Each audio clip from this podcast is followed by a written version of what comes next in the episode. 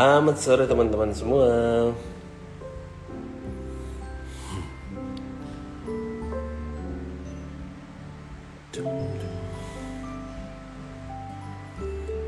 Selamat sore teman-teman semua. Selamat datang di um, episode ngopi hari ini teman-teman. Terima kasih sudah being on time untuk episode ngopi hari ini. Um, apa kabar teman-teman semua? Berharap teman-teman semua dalam keadaan baik-baik saja teman-teman ya.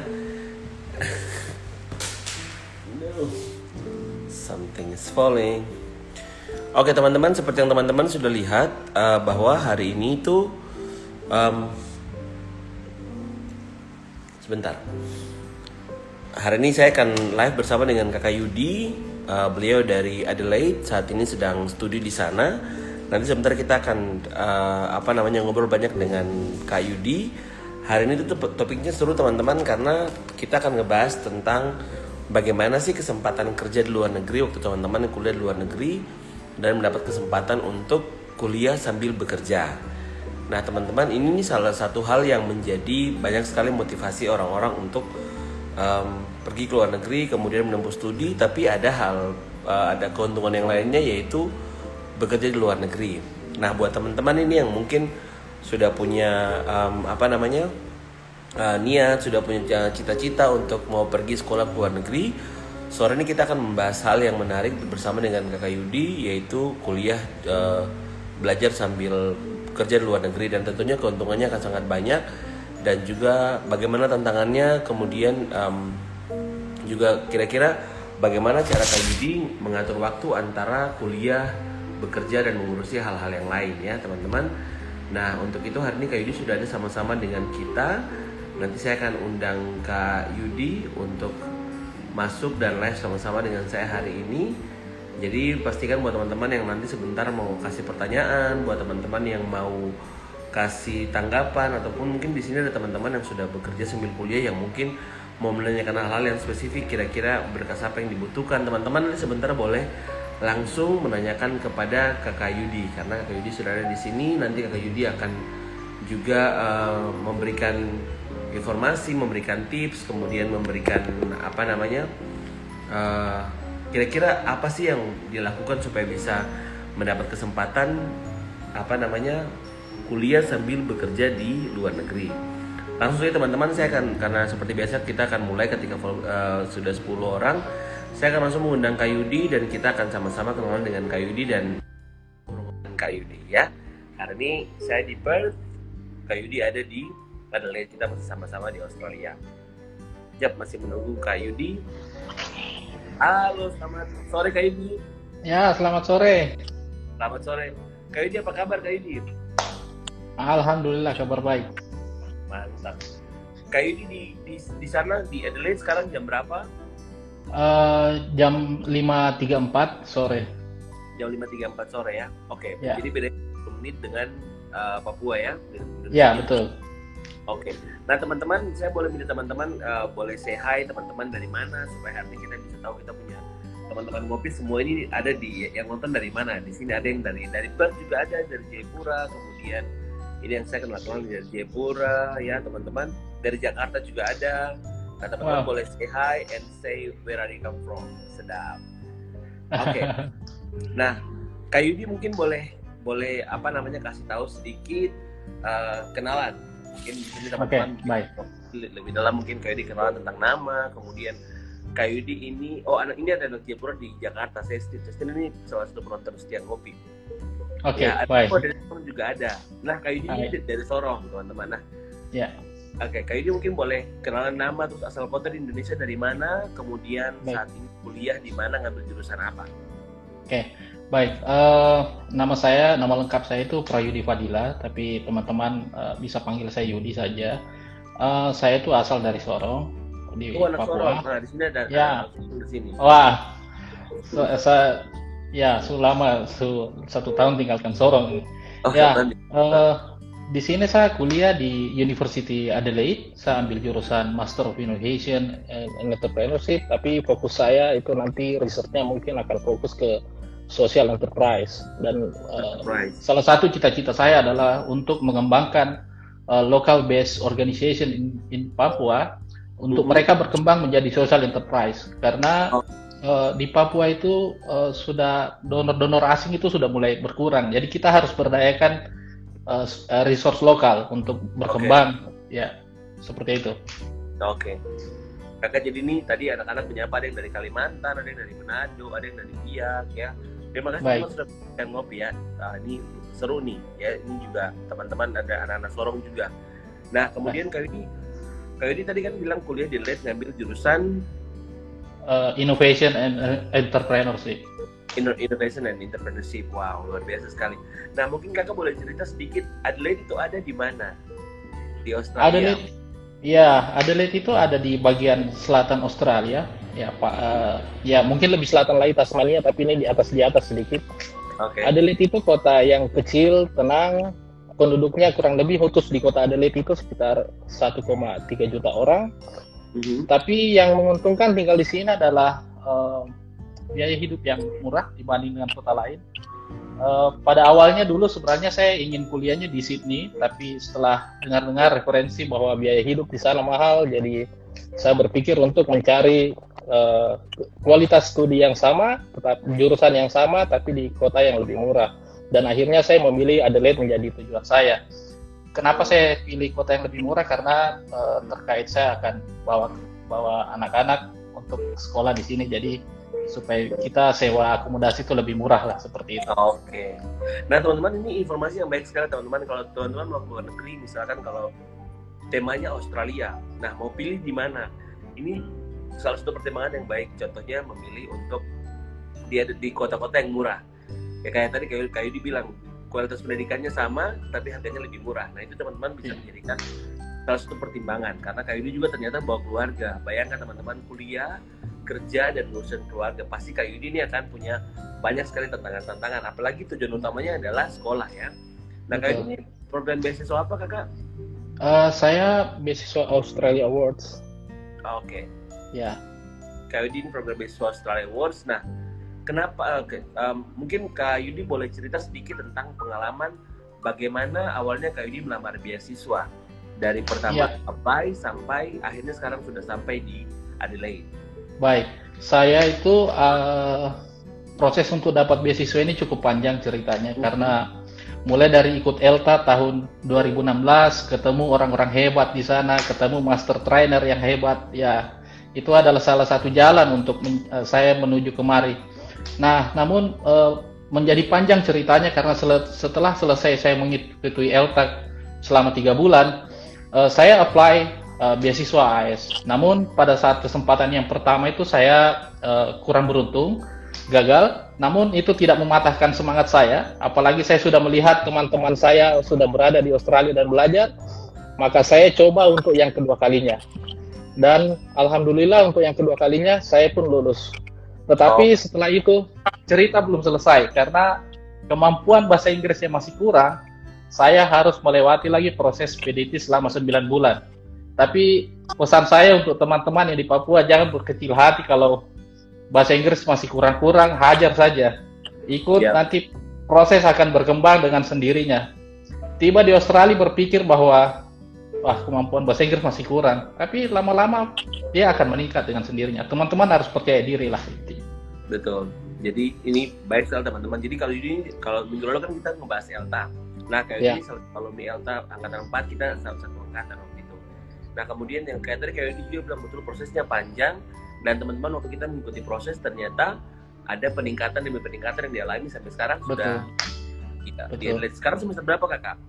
Uh, saya uh, ikut program yang trimester ini sudah trimester ketiga saya jadi saya sudah uh, melalui setengah perjalanan kuliah saya semoga bisa selesai tepat waktu tahun depan. Amin pasti tepat waktu kendalan. Ya, ya. kakak nah terus kemudian Kakak boleh cerita sedikit kan tadi melalui proses yang panjang apply beasiswa sekarang pengalaman belajar di Adelaide itu seperti apa pengalaman belajar di Adelaide? Wow, uh, satu kata amazing. Amazing. Ya, uh, saya pikir uh, awalnya saya pertama datang itu penuh dengan keraguan, tapi setelah melihat di sini dong fasilitas orang-orang uh, yang mau bantu orang-orang uh, di International Student Support, jadi apa saja yang pun tanya dong punya informasi itu. Baik masalah mau masalah di luar kampus kah mau apa jadi support banyak sekali. Terus mengenai uh, library saya kebetulan orang yang kurang begitu suka belajar di tempat yang ramai maksudnya saya lebih senang di kamar sendiri terus saya belajar lebih tenang nah di sini saya dipermudah bahwa akses ke library itu 24 jam kapan saja saya ada mood untuk belajar jadi saya bisa buka kapan saja atau pas lagi di tempat duduk-duduk eh, lagi di tempat kerja bisa mau lihat-lihat apa yang mau dibaca itu bisa.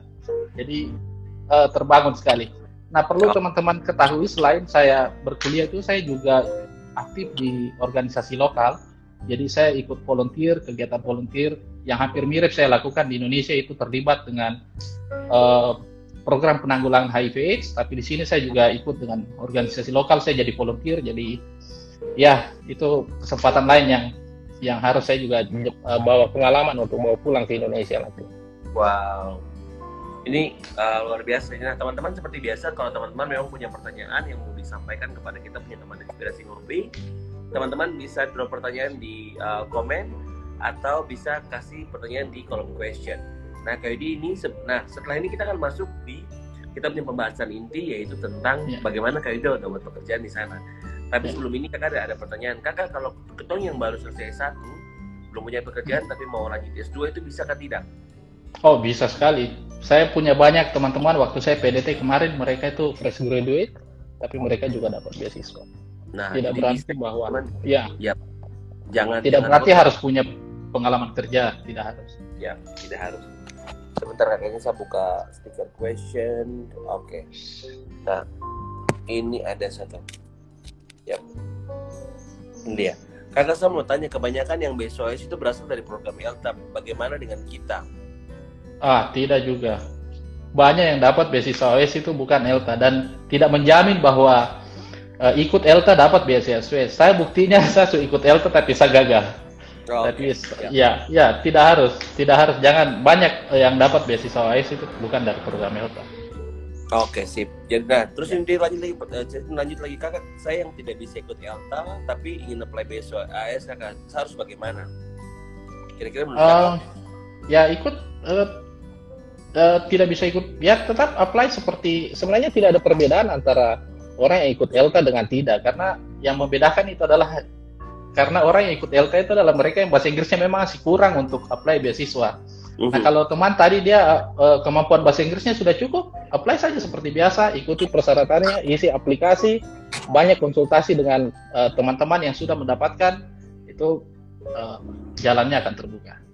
Ya, nah teman-teman kalau teman-teman mau kasih pertanyaan boleh. Nah sekarang saya uh, akan masuk dulu untuk pertanyaan kita punya topik ini yaitu kuliah sambil kerja di luar negeri. Ya. Nah Kayu Kayudi, bagaimana pertama kali Kak Yudi tuh dapat informasi untuk dapat pekerjaan? Oke, okay. uh, eh, kalau informasi mengenai pekerjaan itu sebenarnya uh, banyak kita dapatkan dari tempat teman-teman, baik tempat teman-teman kuliah atau tempat teman-teman uh, orang Indonesia. Karena uh, banyak juga yang kerja orang Indonesia itu banyak yang kerja. Saya bilang saja semua.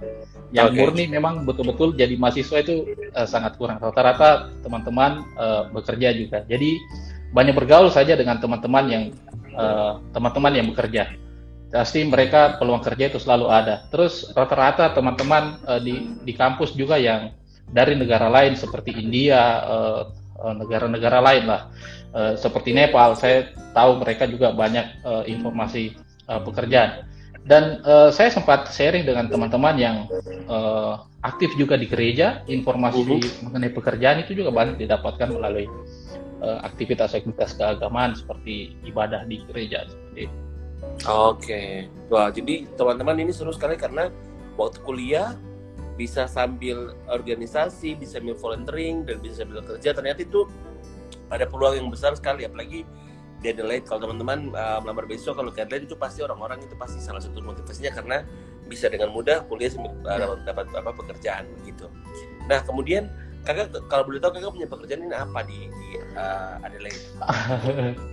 ya uh, kalau Tom bicara masalah pekerjaan ini teman-teman jangan berpikir bahwa Tom kerja di Indonesia Tom biasa duduk di belakang meja tapi Tom di sini Tom duduk di belakang di apa uh, di di di betul-betul pekerja lapangan. Nah, betul-betul okay. pekerjaan yang mungkin tidak pernah masuk di pemikiran teman-teman, tapi saya saya sendiri tidak tidak malu untuk melakukan itu. Pekerjaan yang pertama yang saya pernah lakukan itu saya pernah jadi uh, cleaner assistant, jadi uh, ada teman satu dari Raja Ampat dia yang rekomendasi saya untuk pekerjaan ini itu saya kerja di bersihkan kasino. Jadi kalau kasino itu dia sudah tutup, setelah itu uh, tong bersihkan jadi bersihkan hmm. itu uh, kasino tempat main judi ya jadi bersihkan semua uh, vakum uh, sapu apa semua kesalahan bersihkan toilet dan lain-lain nah Berarti itu iya biasanya kasino itu tutup sekitar jam uh, 2 jam 3 nah okay. setelah itu kita datang sekitar jam 5 pagi atau jam 6 pagi itu nanti selesai sebelum uh, jam 8 itu sudah selesai jadi tong kerja sekitar ya uh, kurang lebih tiga jam lah barang itu dia selesai. Selesai, oke. Okay. Oke. Okay. Nah jadi itu itu pekerjaan yang pertama. Iya, ya. biasa kalau misalkan anak-anak Indo kan kalau misalkan lihat orang cleaning service itu kayaknya rada-rada gengsi. Ah, iya, betul, betul, gitu, betul. Kan. Tapi kalau di sana itu bahkan saya dengar tuh ada yang bahkan sekolahnya S3. Iya. Tapi ya, kayak begitu ya. Betul. Dan uh, satu yang saya lihat di sini adalah orang orang di Australia itu tidak melihat kita punya pekerjaan apa saya selama kerja sebagai cleaner tidak pernah merasa direndahkan oleh orang-orang di sini. Jadi mereka justru respect dengan kita bahwa mereka sadar bahwa tanpa orang-orang seperti saya dong barang tidak bersih. Mungkin tamu-tamu dong takut untuk datang. E, orang yang datang untuk e, melihat tempat itu kotor kan mereka tidak mau. Jadi e, mereka e, saya lihat mereka tidak melihat seperti itu. Jadi satu satu yang satu pelajaran yang saya bawa ketika ke Indonesia nanti bahwa kita tidak bisa melihat uh, orang dari apa pun jenis pekerjaan. Oke, okay, good. Okay. Kakak sebelum nah, kita lanjut ada ada nah. pertanyaan. Um, kakak melamar AS berapa kali? Dua kali. Dua kali. Tadi sudah Dua kali. Kakak ada ada nggak program BSWS buat satu?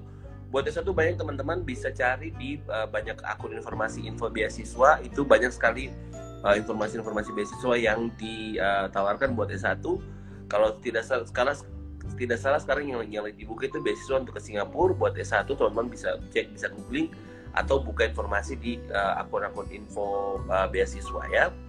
Oke okay, selanjutnya. Sip belum ada. Nah kak banyak nggak PNS yang dapat beasiswa AS oh banyak banyak banyak banyak, banyak. banget banget, banget. Ya. Nah, kemudian kakak, tadi kan kakak baru jelasin pekerjaan yang pertama pernah jadi cleaning ya. asisten. Terus apa okay. lagi kakak? Oh, uh, saya juga kerja, uh, eh, kerja kerja cleaner juga saya pernah di uh, child care itu tempat care. ya oh. penitipan anak. Jadi uh, kalau itu kerjanya sore setelah mereka tutup sekitar jam 5 baru ketemu bersihkan. Jadi teknik kerja cleaner di kasino dengan di childcare itu berbeda, fokusnya beda. Jadi kalau di kasino tadi kita fokusnya lebih banyak main dengan uh, vakum karena depo wilayah luas, tapi kalau di childcare itu kita karena anak-anak bayi itu dong masih main di, di lantai, jadi kita harus pastikan itu uh, lantai itu betul-betul dibersihkan dan memang karena nanti kasihan dong merayap itu dong baju hitam kalau lantai tidak bersih, jadi kita harus bersihkan dan betul-betul steril. Nah selain dari itu saya juga uh, kerja sebagai uh, apa antar-antar makanan Uh, kalau di Indonesia itu biasa bilang GoFood kan? GoFood, oke. Okay. Ya, GoFood. Seperti itulah. Jadi, tapi kalau di Indonesia orang pacul dengan motor. Kalau di sini saya pacul dengan sepeda. Ahli kaki. ya, satu trip uh, sat, ya uh, tapi saya senang dengan saya lebih senang pekerjaan sebagai uh, Uber Eats itu mereka bilang Uber Eats di sini karena uh-huh. saya ketika saya melakukan pekerjaan itu saya merasa seperti main game karena uh, ketika dapat satu order itu seperti ada satu misi yang kita harus selesaikan. Wow, wow, wow. Ya, jadi kayak kalau teman-teman yang familiar dengan main game itu kan tahu dapat satu misi ini order yang harus diambil, terus dibawa ke pemiliknya baru kayak di dicentang di aplikasi gitu jadi kayak oh sudah komplit jadi satu misi selesai. Nanti tunggu misi kedua apa. Nah itu punya tantangan masing-masing. Coba bayangkan kalau teman-teman dapat pas rumah di atas gunung. Bertong hajar dengan sepeda ini. Dorong kan? Itu sudah biasa setelah sampai naik artinya akhirnya harus dorong. Oke oke oke. Ya banyak pengalaman. Tapi uh, saya senang karena saya merasa karena kebetulan saya kuliah dengan sistem yang intensif, jadi komunikasi dengan teman-teman kuliah, dengan dosen itu jarang. Karena saya satu bulan hanya kuliah eh, kira-kira hanya empat hari. Jadi ada 26 hari dalam satu bulan saya tidak harus ke kampus. Makanya saya manfaatkan untuk kerja. Nah, tapi saya melihat sisi negatif di situ. Dengan saya tidak ke kampus, saya hanya di rumah, artinya saya pakai bahasa Indonesia terus. Okay. Artinya saya bahasa Inggris tidak meningkat Nah, dengan bekerja seperti ini, saya ketemu dengan orang antar makanan untuk orang karena bahasa Inggris yang ada di kampus dengan ada yang di luar itu beda. Hmm. Saya merasa di kampus saya mudah memahami orang ketika berbicara, dosen tuh bicara itu uh, tong bisa paham. Tapi kalau dengan orang yang di luar, yang maksudnya betul-betul ketemu orang lokal Australia, itu dia oh. aksen lebih susah lagi. Dengan orang-orang baru, ya saya sudah tahu macam apa cepatkah apakah susah dengar. Tapi dengan saya ketemu begitu jadi saya mengerti bagaimana mereka uh, komunikasi dan uh, bagaimana mengerti mereka punya uh, lokal aksen itu. Okay. ya itu manfaat lain yang saya dapat. Betul. Oke okay, sip kakak nah terus ini pertanyaannya sama dengan yang yang yang sudah saya siapkan. Hmm. um, apa saja persyaratan yang kira-kira kakak butuhkan untuk bisa dapat pekerjaan kalau keluar negeri persyaratan standar? Oke, okay. uh, eh, kalau dari diri sendiri itu yang pertama punya kemauan uh, dan tidak malu itu dulu. Oke. Okay. Itu kalau sukunya modal itu artinya seboleh kerja. Tapi kalau itu masih ada teman-teman mundur, jangan okay. karena nanti uh, bisa ketemu tidak menutup kemungkinan pas sementara kerja ketemu dengan orang Indonesia yang lain ya. Kalau teman-teman malu tidak usah tidak usah kerja. Tapi kalau terkait dokumen, eh, eh, seperti biasa dokumen biasa seperti paspor itu semua harus siap. Eh, terus kita but, perlu urus namanya TFN. Kalau di Indonesia itu istilahnya NPWP. Jadi kita okay. harus urus itu. Eh, kalau kita mau kerja eh, di Uber Eats itu kita harus punya namanya ABN, Australia uh, Business, Business Number. number. Yep. Kalau di Indonesia apa ya seperti izin usaha kayak begitu. Usaha karena ceritanya kalau di Uber itu uh, kita adalah pihak ketiga sehingga uh, kita uh, seperti uh, kontraktor independen. Jadi tidak bekerja di bawah Uber tapi kita adalah pihak ketiga yang bekerja untuk mereka. Jadi kita kontraktor kita harus lapor kita punya pajak sendiri. Seperti nah. itu terus uh, yang kita butuhkan lagi uh, SIM SIM Indonesia itu perlu karena umpamanya kalau tadi kerja cleaner saya butuh uh, mobil jadi uh, SIM Indonesia masih bisa digunakan. Nah ini saya ada rencana karena Sucapi juga naik sepeda, saya rencana mau ganti uh, saya mau rencana beli skuter supaya saya lebih ringan untuk kerja Uber itu tadi dan bisa uh, dapat lebih banyak uh, tenaga yang dikeluarkan juga lebih sedikit. Betul. Ya strategi baru. Ya kan anak-anak innovation toh Iya, itu sudah. Harus inovasi. Harus inovasi. ya. Ini menarik teman-teman. Jadi kalau misalkan teman-teman rencana misalkan oh kalau misalkan mau kuliah luar negeri terus mau punya uh, juga mau kerja supaya dapat uang tambahan begitu ini syarat yang perlu teman-teman siapkan gitu ya. ya. Nah, terus ini ada pertanyaan selanjutnya kakak ini. Bagaimana cara kakak terwaktu antara kuliah, kerja dan urus keluarga? Dan yang ya. berat sekali itu apa selama ini? Uh, memang ini uh, tantangan yang paling besar, apalagi punya uh, kuliah terus belum lagi tugas tugas-tugas ya, tahu lah tugas-tugas di sini memang harus uh, apa kita harus siapkan waktu khusus. Uh, kuncinya adalah bagaimana kita disiplin dengan waktu yang kita sudah atur. Contohnya saya setiap hari itu saya harus uh, bangun sekitar uh, jam 5 pagi karena uh, bangun saya harus siapkan makanan untuk sapu anak-anak tuh mau uh, sapu anak ini mau pergi sekolah jadi saya harus masak dulu untuk uh, kesiapan sehari uh, untuk siapkan makanan untuk satu hari supaya nanti kalau pulang kerja juga tinggal langsung makan saja. Nah, uh, setelah itu saya harus temani dia cerita-cerita dulu pagi sebelum dia ke sekolah apa yang dia rencanakan hari ini, apa dia punya masalah-masalah, mungkin ada PR-nya yang belum selesai. Uh, itu uh, sampai jam 9. Nah, setelah dia pergi sekolah, itu uh, saya siapkan waktu sekitar uh, eh, 1 sampai 2 jam itu untuk kerja tugas. Karena uh, kebetulan saya ini karakter orang yang tidak bisa kerja. Ada teman-teman uh, dari Indonesia yang lain mereka itu suka kerja tugas malam, tapi kalau saya, saya tidak bisa. Jadi saya harus kerja dari sekitar jam 9 sampai jam 11 uh, saya kerja tugas setelah itu uh, jam 11 baru saya keluar pergi Uber nanti kembali sekitar uh, jam satu siang karena itu jam itu saya pilih karena memang jam-jam itu di mana orang banyak untuk uh, pesan makanan karena orang pas lagi mau um, jam makan siang.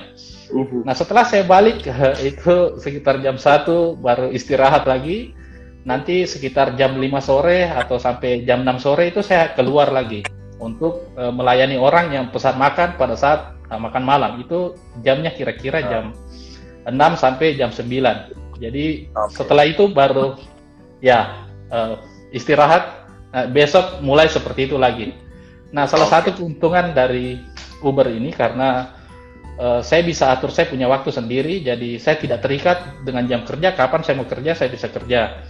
Nah, ketika uh, tugas itu membutuhkan waktu yang banyak, jadi saya harus apa namanya?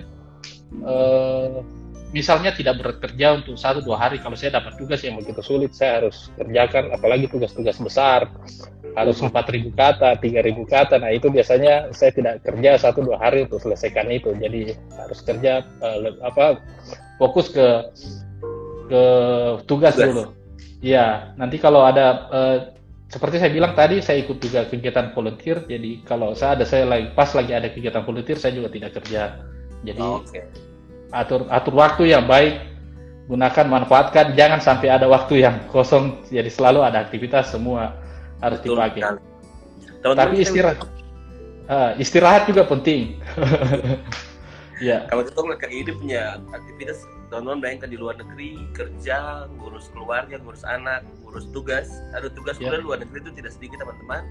Ya gitu betul. ya ini salah satu skill yang kita bisa lihat sama-sama adalah kayak ini punya time management yang bagus sekali. Dia bisa manage kapan harus kerja bahkan ingat kita ini butuh istirahat ya. Betul oke. okay. ya. kakek dan bantu kakak keren sekali gitu. Salut sama kakak gitu. Terus oke okay, saya buka stiker stiker question lagi. Nah ini ada nih. Bagaimana cara kakak bisa mengatur waktu bekerja dan belajar? Kak tadi bikin schedule kak ya, ya bikin schedule betul schedule. Okay. dan taat sama schedule itu. Ya taat sama schedule. Oke. Okay. ini ah apalagi kak? Dua pekerjaan yang di, dilakukan lagi? Masih ada lagi? Uh, uh, saya rasa cuma untuk sementara itu saja. Ada beberapa tawaran pekerjaan lain tapi saya masih ragu-ragu. Ada kerja di laundry ada kerja di pasar. Ya, saya belum saya belum berpikir untuk ganti pekerjaan. Oke. Okay. nah ini ada dari dari Van Banigau Tadi kakak sempat bilang bahwa kuliah sambil kerja itu tidak gampang. Hal paling berharga apa yang didapatkan selama melakukan dua aktivitas itu bersama-sama? Selain oh. duit. Ya, uh, jelas kalau uh, uh, banyak benefit lain selain uang. Itu tadi bilang bisa komunikasi dengan orang lokal karena saya ini tidak begitu banyak dapat kesempatan komunikasi dengan orang lokal. Beda teman-teman dengan teman-teman yang mungkin bergabung di komunitas gereja itu bisa ketemu dengan orang-orang lokal. Tapi kalau di di komunitas Muslim itu orang lokal, yang Muslim itu banyak uh, imigran juga. Jadi mau dengar uh, bahasa Inggris yang asli itu, yang logat Australia itu susah. Jadi dengan bekerja saya bisa dapatkan itu. Yang okay. kedua uh, itu uh, melatih saya untuk mengenal karakter orang. Namanya kita okay. melayani orang ya. Ada yang permintaan macam-macam. Pernah ada satu satu customer itu dia minta uh, saat simpan makanan di luar tidak boleh ketok pintu. Kalau keluar dari pagar pagar tidak boleh bunyi. Itu dia request seperti itu. Really? ya yeah, it's happen. Ya macam-macam request. Dan itu saya hargai. Pernah juga satu kali saya agak sedikit kesal. Ada orang yang minta diantar naik sampai ke apartemen. Terus lama baru dia buka. Tapi ternyata setelah dia buka pintu uh, kasihan. Ternyata ibu dia ini apa uh, disabled saya balik menyesal lagi saya bilang saya tidak boleh marah. Pantas dia minta saya untuk melakukan itu tapi ya itu jadi pelajaran bahwa orang minta sesuatu itu mungkin dia ada butuh sesuatu yang memang tidak bisa dia lakukan jadi itu membuat saya belajar bahwa banyak karakter orang yang kita harus uh, hadapi. Terus uh, uh, dengan bekerja juga itu bantu kita untuk belajar menghandle masalah. Saya kasih contoh, umpamanya uh, tiba-tiba pas antar order begini ada yang cancel. Nah, di situ itu jadi jadi jadi masalah buat kita. Uh, kita harus telepon ke provider, dan ini telepon lagi nih melatih kita punya cara bahasa lagi dengan orang ya melatih lagi bagaimana kita berbicara dengan uh, customer service itu jadi ya, proses terjadi nah ada juga suatu saat pokoknya pas kita antar kita tidak bisa ketemu orangnya. Orangnya tidak ada di sana. Jadi banyak pengalaman yang justru uh, melatih kita punya cara menghandle masalah. Atau kita harus menunggu lama uh, itu masalah-masalah yang sering di, kita dapatkan. Atau justru uh, berada di jalanan itu adalah satu satu tempat yang berbahaya karena kita bisa saja kecelakaan dan lain-lain. Tapi satu pesan saya selama kita ikut aturan lalu lintas yang benar itu uh, insya Allah kita aman di jalan.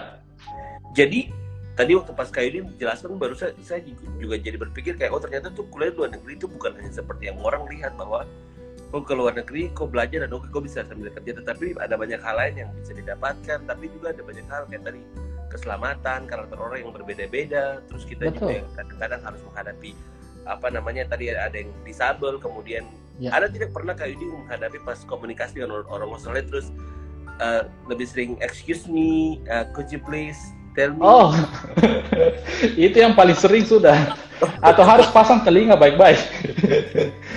Jadi nah. uh, ya uh, kalau ketemu dengan orang lokal itu ya harus terbiasa dengan mereka punya aksen. Kalau tidak terbiasa memang selesai. Betul. Dan itu biasa terjadi. Ya. Betul ini ini penting sekali uh, oh Mistisia say hi buat Kak Yudi Hai Mistisia oke okay. nah ini jadi penting teman-teman kalau teman-teman ke Australia mungkin kalau kita di lingkungan akademik itu dosen sudah terbiasa dengan international student betul jadi mereka akan di lingkungan akademik itu kita uh, pakai bahasa Inggris yang ya sedikit slow little bit show yeah. slow yeah. Uh, aman tapi kalau waktu kita ketemu dengan orang Australia dengan mereka punya aksen Australia dan teman-teman yeah. aksen pun dari setiap state itu beda-beda Trust me itu tuh beda-beda dari, dari Tasmania sampai Perth itu dia punya aksen oh. beda-beda. Jadi yeah. kayak kalau misalnya ketemu sampai orang langsung, hah ini bicara apa? Gitu. Memang tantangannya, tapi seru ya itu itu jadi pengalaman yang seru. Iya, jadi pengalaman tersendiri. Iya. Oke, okay. kakak saya buka stiker question dulu ya. Nah, um, kakak bagaimana cara ikut ELTA? Oh, Uh, pendaftaran ELTA masih buka kayaknya ya sampai dengan tanggal 30 Juni. Jadi kalau kalau teman-teman mau ikut apa namanya Elta di episode minggu lalu bisa punya uh, link di bio tuh masih ada link pendaftaran buat Elta sama IGTV minggu lalu di IGTV-nya PC ini masih ada apa namanya live uh, minggu lalu tentang Elta. Jadi bisa Elta, betul. Ya. nah. Oke. Okay. masih sama ya pertanyaannya? Ya oke. Okay. let me try to find another question. This one Kak. Oke, okay. oh ini mungkin agak, -agak oh. sedikit. Ini ya ini kontak. Ya teman-teman PNS yang bisa jawab ini. Yap. Oke, okay, jadi kakak Yudi belum belum ada apa. Jadi untuk saya kasih informasi saja untuk beasiswa AS teman-teman yang PNS itu um, untuk perizinan itu sekarang uh, karena kan tiap tahun tuh aplikasi dia berubah-berubah toh. Nah, jadi untuk tahun ini tuh untuk aplikasi perizinan itu sudah ada di aplik online application-nya AS. Jadi teman-teman bisa ikut format yang sudah disiapkan oleh AS atau misalkan dari uh, instansi teman-teman masing-masing, teman-teman bisa pakai untuk um, apa namanya uh, apply AS untuk melengkapi persyaratan surat izin. Nah, kemudian tadi kan kayak kayak ini bicara soal kerja, kuliah, ngurusin keluarga, istirahat. Nah, terus kakak Australia ini bagus sekali ke mana-mana sekarang no. saya, live saya lagi saya lagi holiday sekarang yeah. terus kayu kayu ini bagaimana untuk cara bagi waktu untuk ada dengan anak-anak dengan keluarga untuk pergi hangout atau holiday somewhere because Australia is beautiful Iya, uh, nanti ada waktu-waktu tertentu yang uh, biasanya kalau weekend kalau tapi uh, sebelum sebelum masa pandemi ini itu kita masih bisa keluar pada saat weekend entah ke taman, main di taman atau aktivitas lainnya atau mau pergi berbelanja dan lain-lain itu bisa bisa dilakukan. Nah, untuk ke traveling ke state lain saya juga ada rencana tapi nanti setelah masa pandemi uh, berakhir dulu. Saya rencana mau bawa anak-anak ini dong mau lihat salju katanya. Jadi mumpung masih winter, kesempatannya ada. Jadi nanti kalau border sudah buka baru kita atur waktu. Um, okay. Iya, ada masa-masa libur. Nanti ada masa libur anak sekolah. Nanti kita bisa bisa jalan. Jadi uh, holiday itu bisa kita bisa atur karena bisa, transportasi ya. ya transportasi selalu tersedia Betul. dan terjangkau. Betul. Nah, jadi teman-teman ini uh, apa namanya kalau tadi dengan penjelasan Kayudi yang dari tadi sampai sekarang tuh memang tidak mudah. Kalau misalkan teman-teman mau kuliah sambil kerja di luar negeri, ada banyak hal yang dipertimbangkan. Kayak uh, apalagi Kayudi yang bawa bawa anak itu tuh cukup cukup apa bisa punya tantangan tersendiri. Nah kemudian I'm here, oh Dokter Andre, halo. Oke. Okay. Nah terus kemudian ini kayu di kira-kira apakah uh, kan kayu ini kuliah sambil bekerja nih waktu ya. pernah tidak karena bekerja kuliah terganggu uh, uh, sejauh ini uh, tidak karena uh, apa itu tadi disiplin atur waktu itu jadi uh, kenapa saya pilih pekerjaan saya masih tetap kerja dengan Uber ini karena uh, waktu kerja itu saya ngatur okay. maksudnya ya eh, beda dengan kalau umpamanya teman-teman kerja dengan kontrak umpamanya kerja di supermarket dan lain-lain itu kan dong minta umpamanya masuk dari uh, pagi sampai sore tetapi kalau pekerjaan yang seperti yang saya pilih uh, itu kita atur waktunya sendiri jadi pada saat ketika ada kuliah seperti tadi tadi ini saya baru selesai kuliah kuliah oh, iya. di rumah ya jadi hari ini saya tidak bekerja karena saya ada kuliah nanti umpamanya besok baru bisa kerja lagi jadi ah, okay. uh, eh, kita atur waktu saja mana waktunya kuliah kita kuliah, ke mana waktunya kerja tugas kita kerja tugas, waktu bekerja ya bekerja. Tapi kalau libur teman-teman boleh bekerja uh, ya mau mau berapa jam juga silahkan. Oke, okay. nah bicara soal bekerja berapa jam di sana itu bagaimana pengaturan antara jam kerja antara mahasiswa yang datang studi, apakah ada aturan-aturan tertentu untuk bekerja di ya. sana? Betul. Uh, jadi kalau teman-teman bekerja uh, mahasiswa itu dibatasi. Uh, kalau yang ambil uh, coursework itu hanya 20 jam satu minggu. Jadi uh, maksi itu maksimal atau 40 jam dalam uh, dua minggu. Jadi kalau minggu ini tidak kerja, artinya minggu depan punya waktu 40 jam untuk bekerja. Nah itu uh, semua tercatat oleh uh, Uber itu. Jadi waktu online kita kita bisa cek di aplikasi. Jadi kita sudah berapa jam online. Nah, ketika sudah mendekati 20 jam dalam satu minggu, artinya kita tidak tidak bekerja lagi karena ada batasan dari uh, pemerintah mengatur itu. Tetapi ketika pada masa liburan, itu teman-teman mau kerja 24 jam juga tidak masalah. Tidak masalah. Mm -hmm. Oke, okay. jadi memang di, sana juga kita jadi tidak hanya apa mau melamar kerja terus kerja tapi kayak tadi ada harus daftar ABN juga gitu. Iya betul. Nah, terus kalau kan tadi kayak ini sempat cerita untuk apa bekerja di uh, childcare gitu. Apakah yeah. di childcare kalau di Perth itu kita punya satu kartu yang kita akan uh, apply untuk uh, apa namanya mau kerja dengan berhubungan dengan anak itu harus ada ada kartu tersendiri. Kartu oh, jadi anak. Yeah. Apakah dia juga seperti itu? Uh, di childcare itu saya kerja tidak melayani uh, apa uh, tidak merawat anak-anak, maksudnya menjaga mereka, tidak. Tapi saya fokus di cleaningnya tadi. Jadi oh. saya lakukan itu tidak bertemu dengan anak-anak karena mereka sudah mereka sudah pulang, baru saya datang untuk bersihkan. Jadi kartu yang mungkin PJ maksud itu adalah kayak uh, sertifikasi untuk melakukan uh, masuk di childcare itu. Itu saya tidak perlukan karena tidak ada kaitannya berurusan dengan anak-anak anak-anak tadi.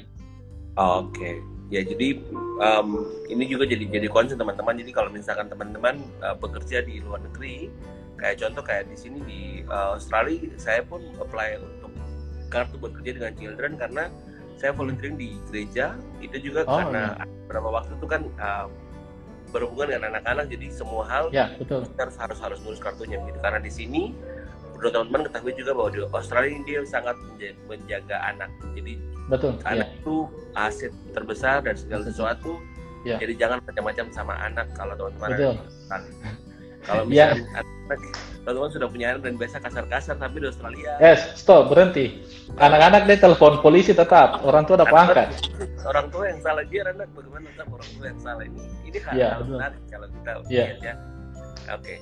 Nah terus ah ini pertanyaannya bagus karena dari Rosa saya juga baru mau tanya kakak kira-kira tuh penghasilan berapa? Mungkin bisa kasih Wah. Uh, uh, kalau penghasilan ya ini relatif sebenarnya. Semakin banyak teman-teman bekerja semakin banyak juga yang dihasilkan.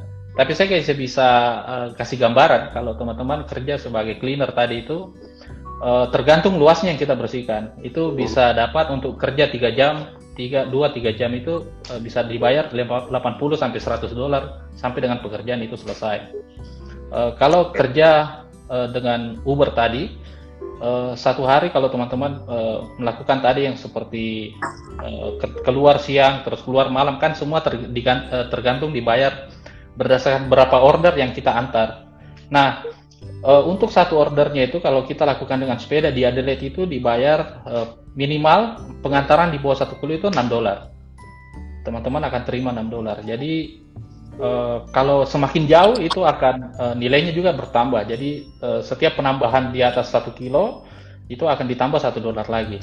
Nah, hmm. tapi ada waktu-waktu tertentu itu Uber akan bayar kita lebih mahal. Contoh pada saat uh, uh, Jumat malam, uh, malam Minggu, pokoknya uh, biasanya weekend. Season, nah, ya? itu ya mereka tambah dari satu satu order itu tadi yang dapat 6 dolar mereka jadikan pokoknya tujuh setengah dolar atau 8 dolar. Tergantung seberapa banyak order yang Uber terima. Jadi e, berapa satu bulan? Tergantung. Seberapa serap, seberapa kuat kita bekerja semakin yeah. banyak teman-teman kerja semakin banyak dihasilnya tapi hitungan-hitungan kasarnya tadi berapa per hari berapa per jam teman-teman nanti bisa kalkulasi sendiri. Oke sih jadi mau dapat berapa itu tergantung teman-teman ya. Mau mau yeah. apa berapa penghasilannya teman-teman bisa bisa apa namanya uh, tentukan sesuai dengan uh, waktu kita bekerja. Dan teman-teman jangan ingat bahwa eh, jangan ingat jangan lupa bahwa ke Australia itu kalau teman-teman punya tujuan utama itu studi berarti uh, studi adalah ya, betul uh, studi yang utama makanya tadi nah. saya bilang kalau memang uh, pekerjaan itu bisa bisa di, diambil tapi jangan lupa bahwa studi yang utama. Makanya kalau saya bilang tadi pas lagi kuliah, pas kerjakan tugas, saya fokus tidak tidak terganggu dengan pekerjaan. Pekerjaan uh, akan dilakukan pada saat punya waktu luang saja. Oke. Okay. Nah, kayak ini pernah tidak ada ada kejadian kayak ada mahasiswa yang karena kerja terus kemudian kuliahnya berantakan itu ada ada begitu? Uh, ya uh, sejauh ini saya be belum pernah belum pernah dengar secara langsung tapi uh, kalau cerita-cerita saja bahwa setelah uh, karena saya waktu pertama kuliah di sini tiga bulan pertama itu saya belum kerja jadi saya rasa perbedaannya antara tidak bekerja dan uh, dan uh, bekerja. Nah waktu saya belum kerja itu uh, banyak uh, waktu yang saya habiskan masuk saya uh, itu tidak bermanfaat contoh uh, saya di, di rumah tidak ngapa-ngapain, nonton YouTube, bolak-balik saja kamar, makan dan lain-lain, hanya tak putar saja dalam rumah, tidak ke mana-mana.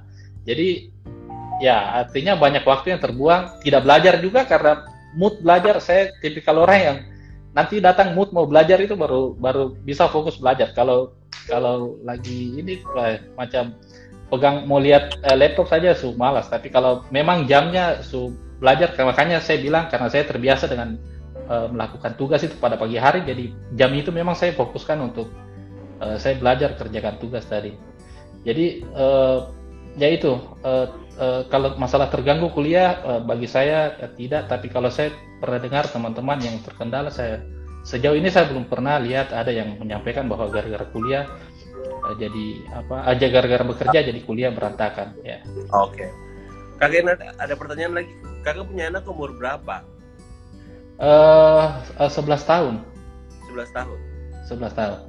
Oke, mungkin kakak bisa ceritakan sedikit bagaimana kakak waktu ngurus anak terus dia punya proses adaptasi kan tadi kakak sempat mention ceritakan dia punya masalah-masalah di rumah ya. gitu nah teman um, sebentar ada sound di belakang nah, bagaimana kakak mengatakan apa bahwa kakak punya anak ini untuk pergi sekolah dia punya proses penyesuaian diri dengan uh, lingkungan sekolah itu seperti apa mungkin kakak bisa cerita ya. sedikit Ya, kalau di sekolah itu uh, mereka punya kelas khusus untuk uh, orang-orang yang baru datang di Australia. Mm-hmm. Seperti Sapu Anak ini karena uh, dia ada kelas yang khusus mereka memang satu kelas itu uh, 14 orang kalau tidak salah.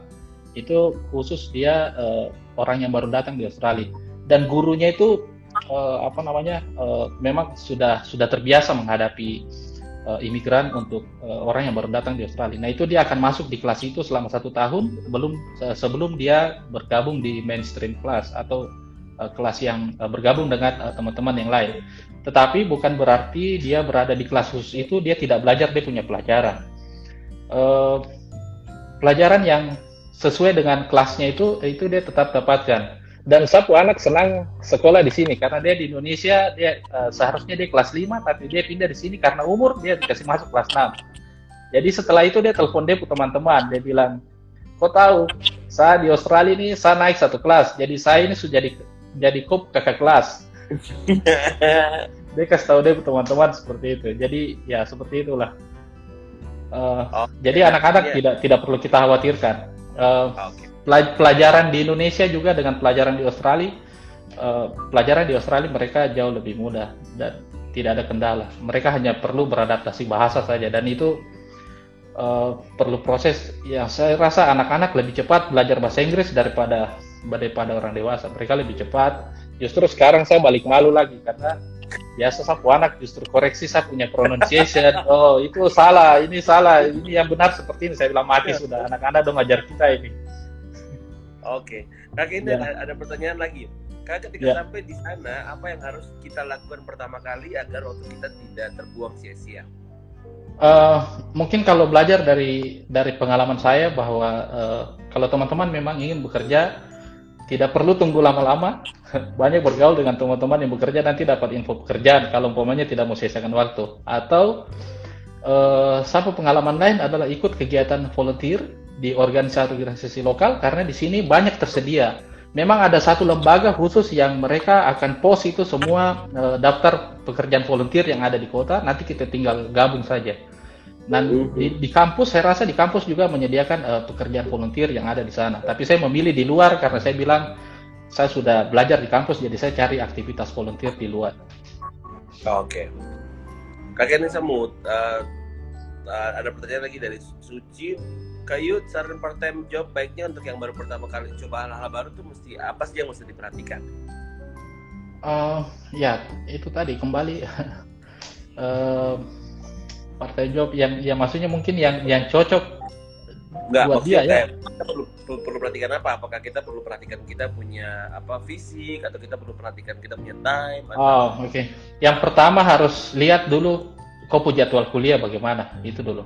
Oke. Okay. Nah, nanti dari jadwal kuliah itu baru kita pelajari eh, kira-kira di waktu mana yang kita bisa bekerja, baru kita cari pekerjaan yang cocok dengan waktu itu. Karena uh, tidak semua pekerjaan juga uh, bisa kita ambil terus mengganggu kuliah. Jadi kita pilih pekerjaan yang memang tidak mengganggu kuliah. Jadi itu dulu. Okay. Terus kalau masalah fisik ya itu tadi kembali, kamu mampu kan tidak itu saja. Betul.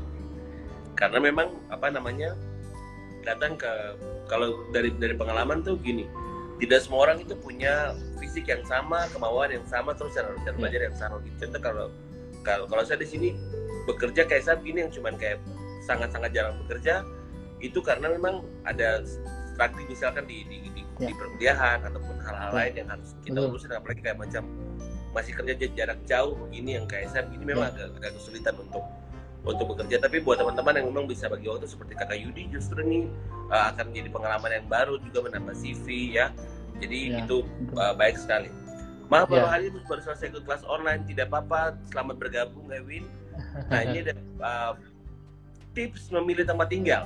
Hmm. oh kalau uh, saya itu memilih tempat tinggal uh, saya tidak prioritas untuk saya tapi saya prioritas untuk anak. Prioritas saya adalah uh, saya cari tempat tinggal yang paling dekat dengan sekolah. Karena saya ingat uh, karena saya harus bekerja dan kuliah jadi saya tidak punya banyak waktu untuk uh, travel. ya travel untuk jadi uh, saya lebih prioritaskan dia sedekat mungkin dengan sekolah supaya kalau bisa dia pergi uh, jalan kaki maksudnya dia bisa pulang pergi tidak perlu tidak perlu saya harus antar setiap hari. Jadi hanya waktu-waktu tertentu saja. Mungkin saya mau jalan-jalan juga pergi lihat sekolah baru saya temani. Jadi itu prioritas saya adalah saya pilih yang dekat uh, dengan sekolah. Kalau saya kan tidak masalah mau jauh dari kampus saya masih bisa naik bus saya bisa masih naik sepeda ke sekolah itu masih saya bisa lakukan. Oke. Okay.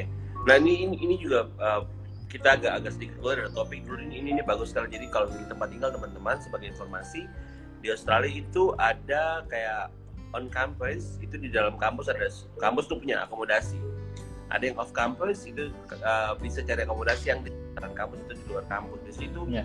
murah mahalnya itu tergantung kampus yang teman-teman pilih gitu. tapi untuk yang baru pertama kali datang on campus selalu ter, uh, tersedia begitu nanti yeah. atau kalau misalnya teman-teman belum datang teman-teman mau cari informasi tentang mau tinggal di mana teman-teman tinggal cari di Facebook group misalkan universitas mana mahasiswa Indonesia itu biasanya sudah yeah. punya uh, sosial media yang teman-teman bisa datang dan uh, menanyakan di sana. Iya. Yeah, Oke. Okay. Oh ini ada permintaan lagi. Kayu diceritain ini dong culture shock. Oh, culture shock. culture shock itu awal. Ya, tidak apa-apa. Itu tapi itu terjadi biasanya awal-awal saja. Ya, paling toh masih bingung dengan orang bagaimana caranya transportasi dari kampus ke rumah itu bagaimana. Terus yang paling sulit ada ya makanan. Itu juga termasuk bagi saya culture shock karena uh, pilihan makanan memang banyak, tapi karena saya dari Indonesia saya terbiasa masak sampai sini bingung ini mau masak apa. mau makan yang mana, tapi selama masih ada roti dan telur artinya saya masih bisa hidup. Oke, siap, siap. Jadi uh, itu uh, mungkin masalah makanan terus masalah transportasi uh, transportasi yang tidak harus terjadi terus belajar bagaimana uh, uh, uh, berinteraksi dengan orang. Tapi nanti teman-teman sebelum uh, mulai perkuliahan kalau dengan beasiswa AS itu kita ada uh, IEP introduksi program. Ya introduksi akademik program itu satu bulan di di kampus sebelum uh, kuliah mulai nanti di situ juga kita belajar bagaimana tentang uh, culture shock itu dan bagaimana kebiasaan orang di kota yang kita tiba itu apa yang harus kita lakukan apa yang kita tidak boleh lakukan. Kita akan pelajari di situ. Jadi uh, tidak usah terlalu khawatir dengan culture shock. Hanya sementara waktu saja. Setelah nanti tahu sistem uh, akan akan terbiasa dengan sendirinya jadi hanya awal-awal saja. Oke sip. Jadi culture shock itu pasti akan pasti akan akan dialami. Jangan jangan hindari teman-teman. Itu hal yang tidak bisa kita hindari. Jadi culture shock itu ada dua. Jadi waktu teman-teman datang ke sini ke Australia teman-teman akan mengalami culture shock waktu teman-teman mau pulang teman-teman juga akan mengalami yang namanya reverse culture shock dan ini yang akan kami hadapi ya. Itu juga yeah. akan ada teman-teman. Jadi um, dan hal-hal itu tuh semua akan dipersiapkan dari waktu teman-teman beasiswa itu akan akan dikasih ada di punya pertemuan khusus untuk membahas hal itu baik teman-teman datang atau sebelum sebelum uh, teman-teman pulang nanti ke, uh, ke tanah air atau ke Indonesia begitu. Nah, Kak Yudi, kita masih punya ada tujuh menit, tapi kita punya stok pertanyaan ternyata sudah habis. Terima kasih banyak. Nah, Kak. Yudi mungkin boleh kasih uh, encouragement buat teman-teman yang hari ini sudah menyaksikan Ngopi dari awal sampai saat ini dan juga yang nanti akan menyaksikan di GTV kira-kira bagaimana nih supaya bisa kuliah sambil kerja dan mengatur waktu seperti kata Yudi saat ini. Oke baik. Uh, yang pertama mungkin saya uh, ingin memotivasi teman-teman terutama yang dari Papua. Karena uh, kita berasal dari, dari Indonesia Timur itu selalu merasa bahwa Eh, kita tertinggal, uh, tidak punya akses dan lain-lain. Tetapi saya sebagai orang yang uh, sudah lama juga tinggal di Papua, saya justru melihat itu bukan sebagai suatu kekurangan. Saya melihat itu bahwa adalah ada opportunity di situ. Kenapa saya bilang seperti itu? Kita lihat dari semua beasiswa-beasiswa yang ada. Uh, standar untuk teman-teman uh, di Papua itu akan beda dengan provinsi lain. Jadi itu adalah satu-satu peluang. Terus program ELTA itu cuma ada di Papua. Jadi kalau ada terbuka, teman-teman harus daftar cepat. Jadi justru sebenarnya di balik uh, kesulitan yang kita alami itu selalu ada peluang yang tersedia. Mm-hmm. Jadi teman-teman di Papua harus memanfaatkan uh, peluang-peluang itu. Dan saya rasa alumni-alumni uh, AAS, alumni beasiswa lain juga banyak di Papua. Jadi teman-teman tanya ke mereka, jangan jangan tinggal diam berharap bahwa beasiswa yang datang ke rumah itu tidak bisa begitu. Jadi harus kita yang cari, kita yang lebih proaktif untuk cari informasi itu. Mengenai bahasa Inggris, sudahlah. Saya juga awalnya tidak tahu bahasa Inggris, tapi tergantung kemauan banyak banyak cara. Salah satunya di Jayapura ada Sagu Foundation. Teman-teman datang ke sana. Tidak apa-apa kalau perlu untuk mengeluarkan uang, keluarkan sedikit uang untuk suatu cita-cita yang lebih besar jadi Betul. banyak lembaga-lembaga bahasa Inggris yang bisa membantu teman-teman. Nah, e, di lain sisi, internet juga sudah tersedia. Mari kita akses gunakan internet itu untuk belajar dan lain-lain cari informasi. E, nah itu uh, terus saya juga ingin motivasi buat teman-teman yang mungkin merasa bahwa wah orang yang kuliah kuliah di luar negeri ini anak-anak muda saja tidak. Saya oh. tahu walaupun umur seperti saya yang orang uh, pikir wah ini seumur mungkin tidak bisa kuliah. Teman-teman jangan berpikir bahwa umur menjadi kendala. Saya tahu banyak teman-teman yang lain juga uh, cukup senior uh, dan saya termotivasi dari dia karena dia lebih senior dari saya dan dia bisa ya. menyelesaikan kuliahnya dengan baik. Jadi saya bilang siap, saya harus ikut kok punya jejak ini. Saya tidak akan pulang kalau saya tidak selesai. Jadi uh, itu mungkin motivasi-motivasi yang saya bisa berikan buat teman-teman yang ada di Papua dan mungkin uh, daerah lain.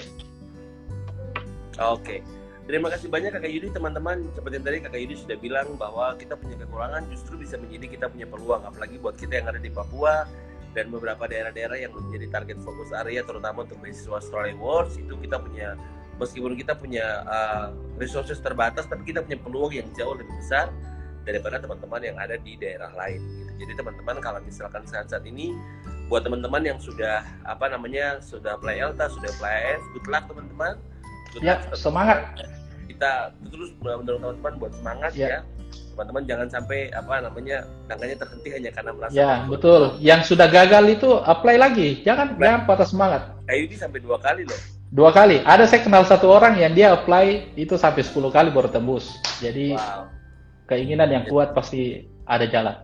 Pasti ada jalan ya teman-teman. Jadi um, persiapkan diri baik-baik teman-teman. Salah satu yang tadi kayu sudah bilang um, ada satu foundation di Jayapura. Satu foundation ini lagi lagi apa namanya lagi siapin course apa uh, apa persiapan buat uh, online kelas dan nanti teman-teman wow. akan diumumkan lagi. Teman-teman bisa nanti ikuti saja informasinya di Instagramnya. Pasti nanti beberapa waktu ke depan akan sudah dibuka kelasnya. Teman-teman bisa daftar dan belajar di sana ya. Nah kemudian teman-teman seperti yang tadi uh, Kak Yudi juga sudah sampaikan bahwa kuliah di luar negeri itu punya banyak manfaat punya yeah. banyak uh, value punya banyak uh, memberikan pengalaman-pengalaman yang baru buat kita yang mau kuliah sambil bekerja di luar negeri jadi ke luar negeri bukan hanya ilmu yang kita dapat tapi juga ada manfaatnya seperti value ada tambahan penghasilan dan juga ada pengalaman-pengalaman baru yang yang lain hmm. apalagi tadi yang ini bilang kayak lebih lebih bisa mengatur waktu dengan baik dan memprioritaskan yeah. mana yang harus saya lakukan mana yang ya. tidak dan butuh istirahat teman-teman. Betul. Nah ya. sekali lagi tuh uh, atas nama ngopi kami mengucapkan terima kasih buat Kak Yudi dan juga buat teman-teman semua yang Baik. sudah menyaksikan ngopi di episode minggu ini. Jangan lupa untuk menyaksikan episode ngopi minggu depan karena minggu depan topiknya akan sangat seru saya minggu ini tidak bocorkan dulu seperti minggu lalu saya bocorkan tapi yang minggu depan oh. topiknya pasti akan sangat seru terutama buat teman-teman yang mau belajar ke luar negeri. Oke, Baik. terima kasih banyak Kak Yudi, terima kasih banyak buat teman-teman sampai ketemu di episode ngopi minggu depan. Dadah. Dadah.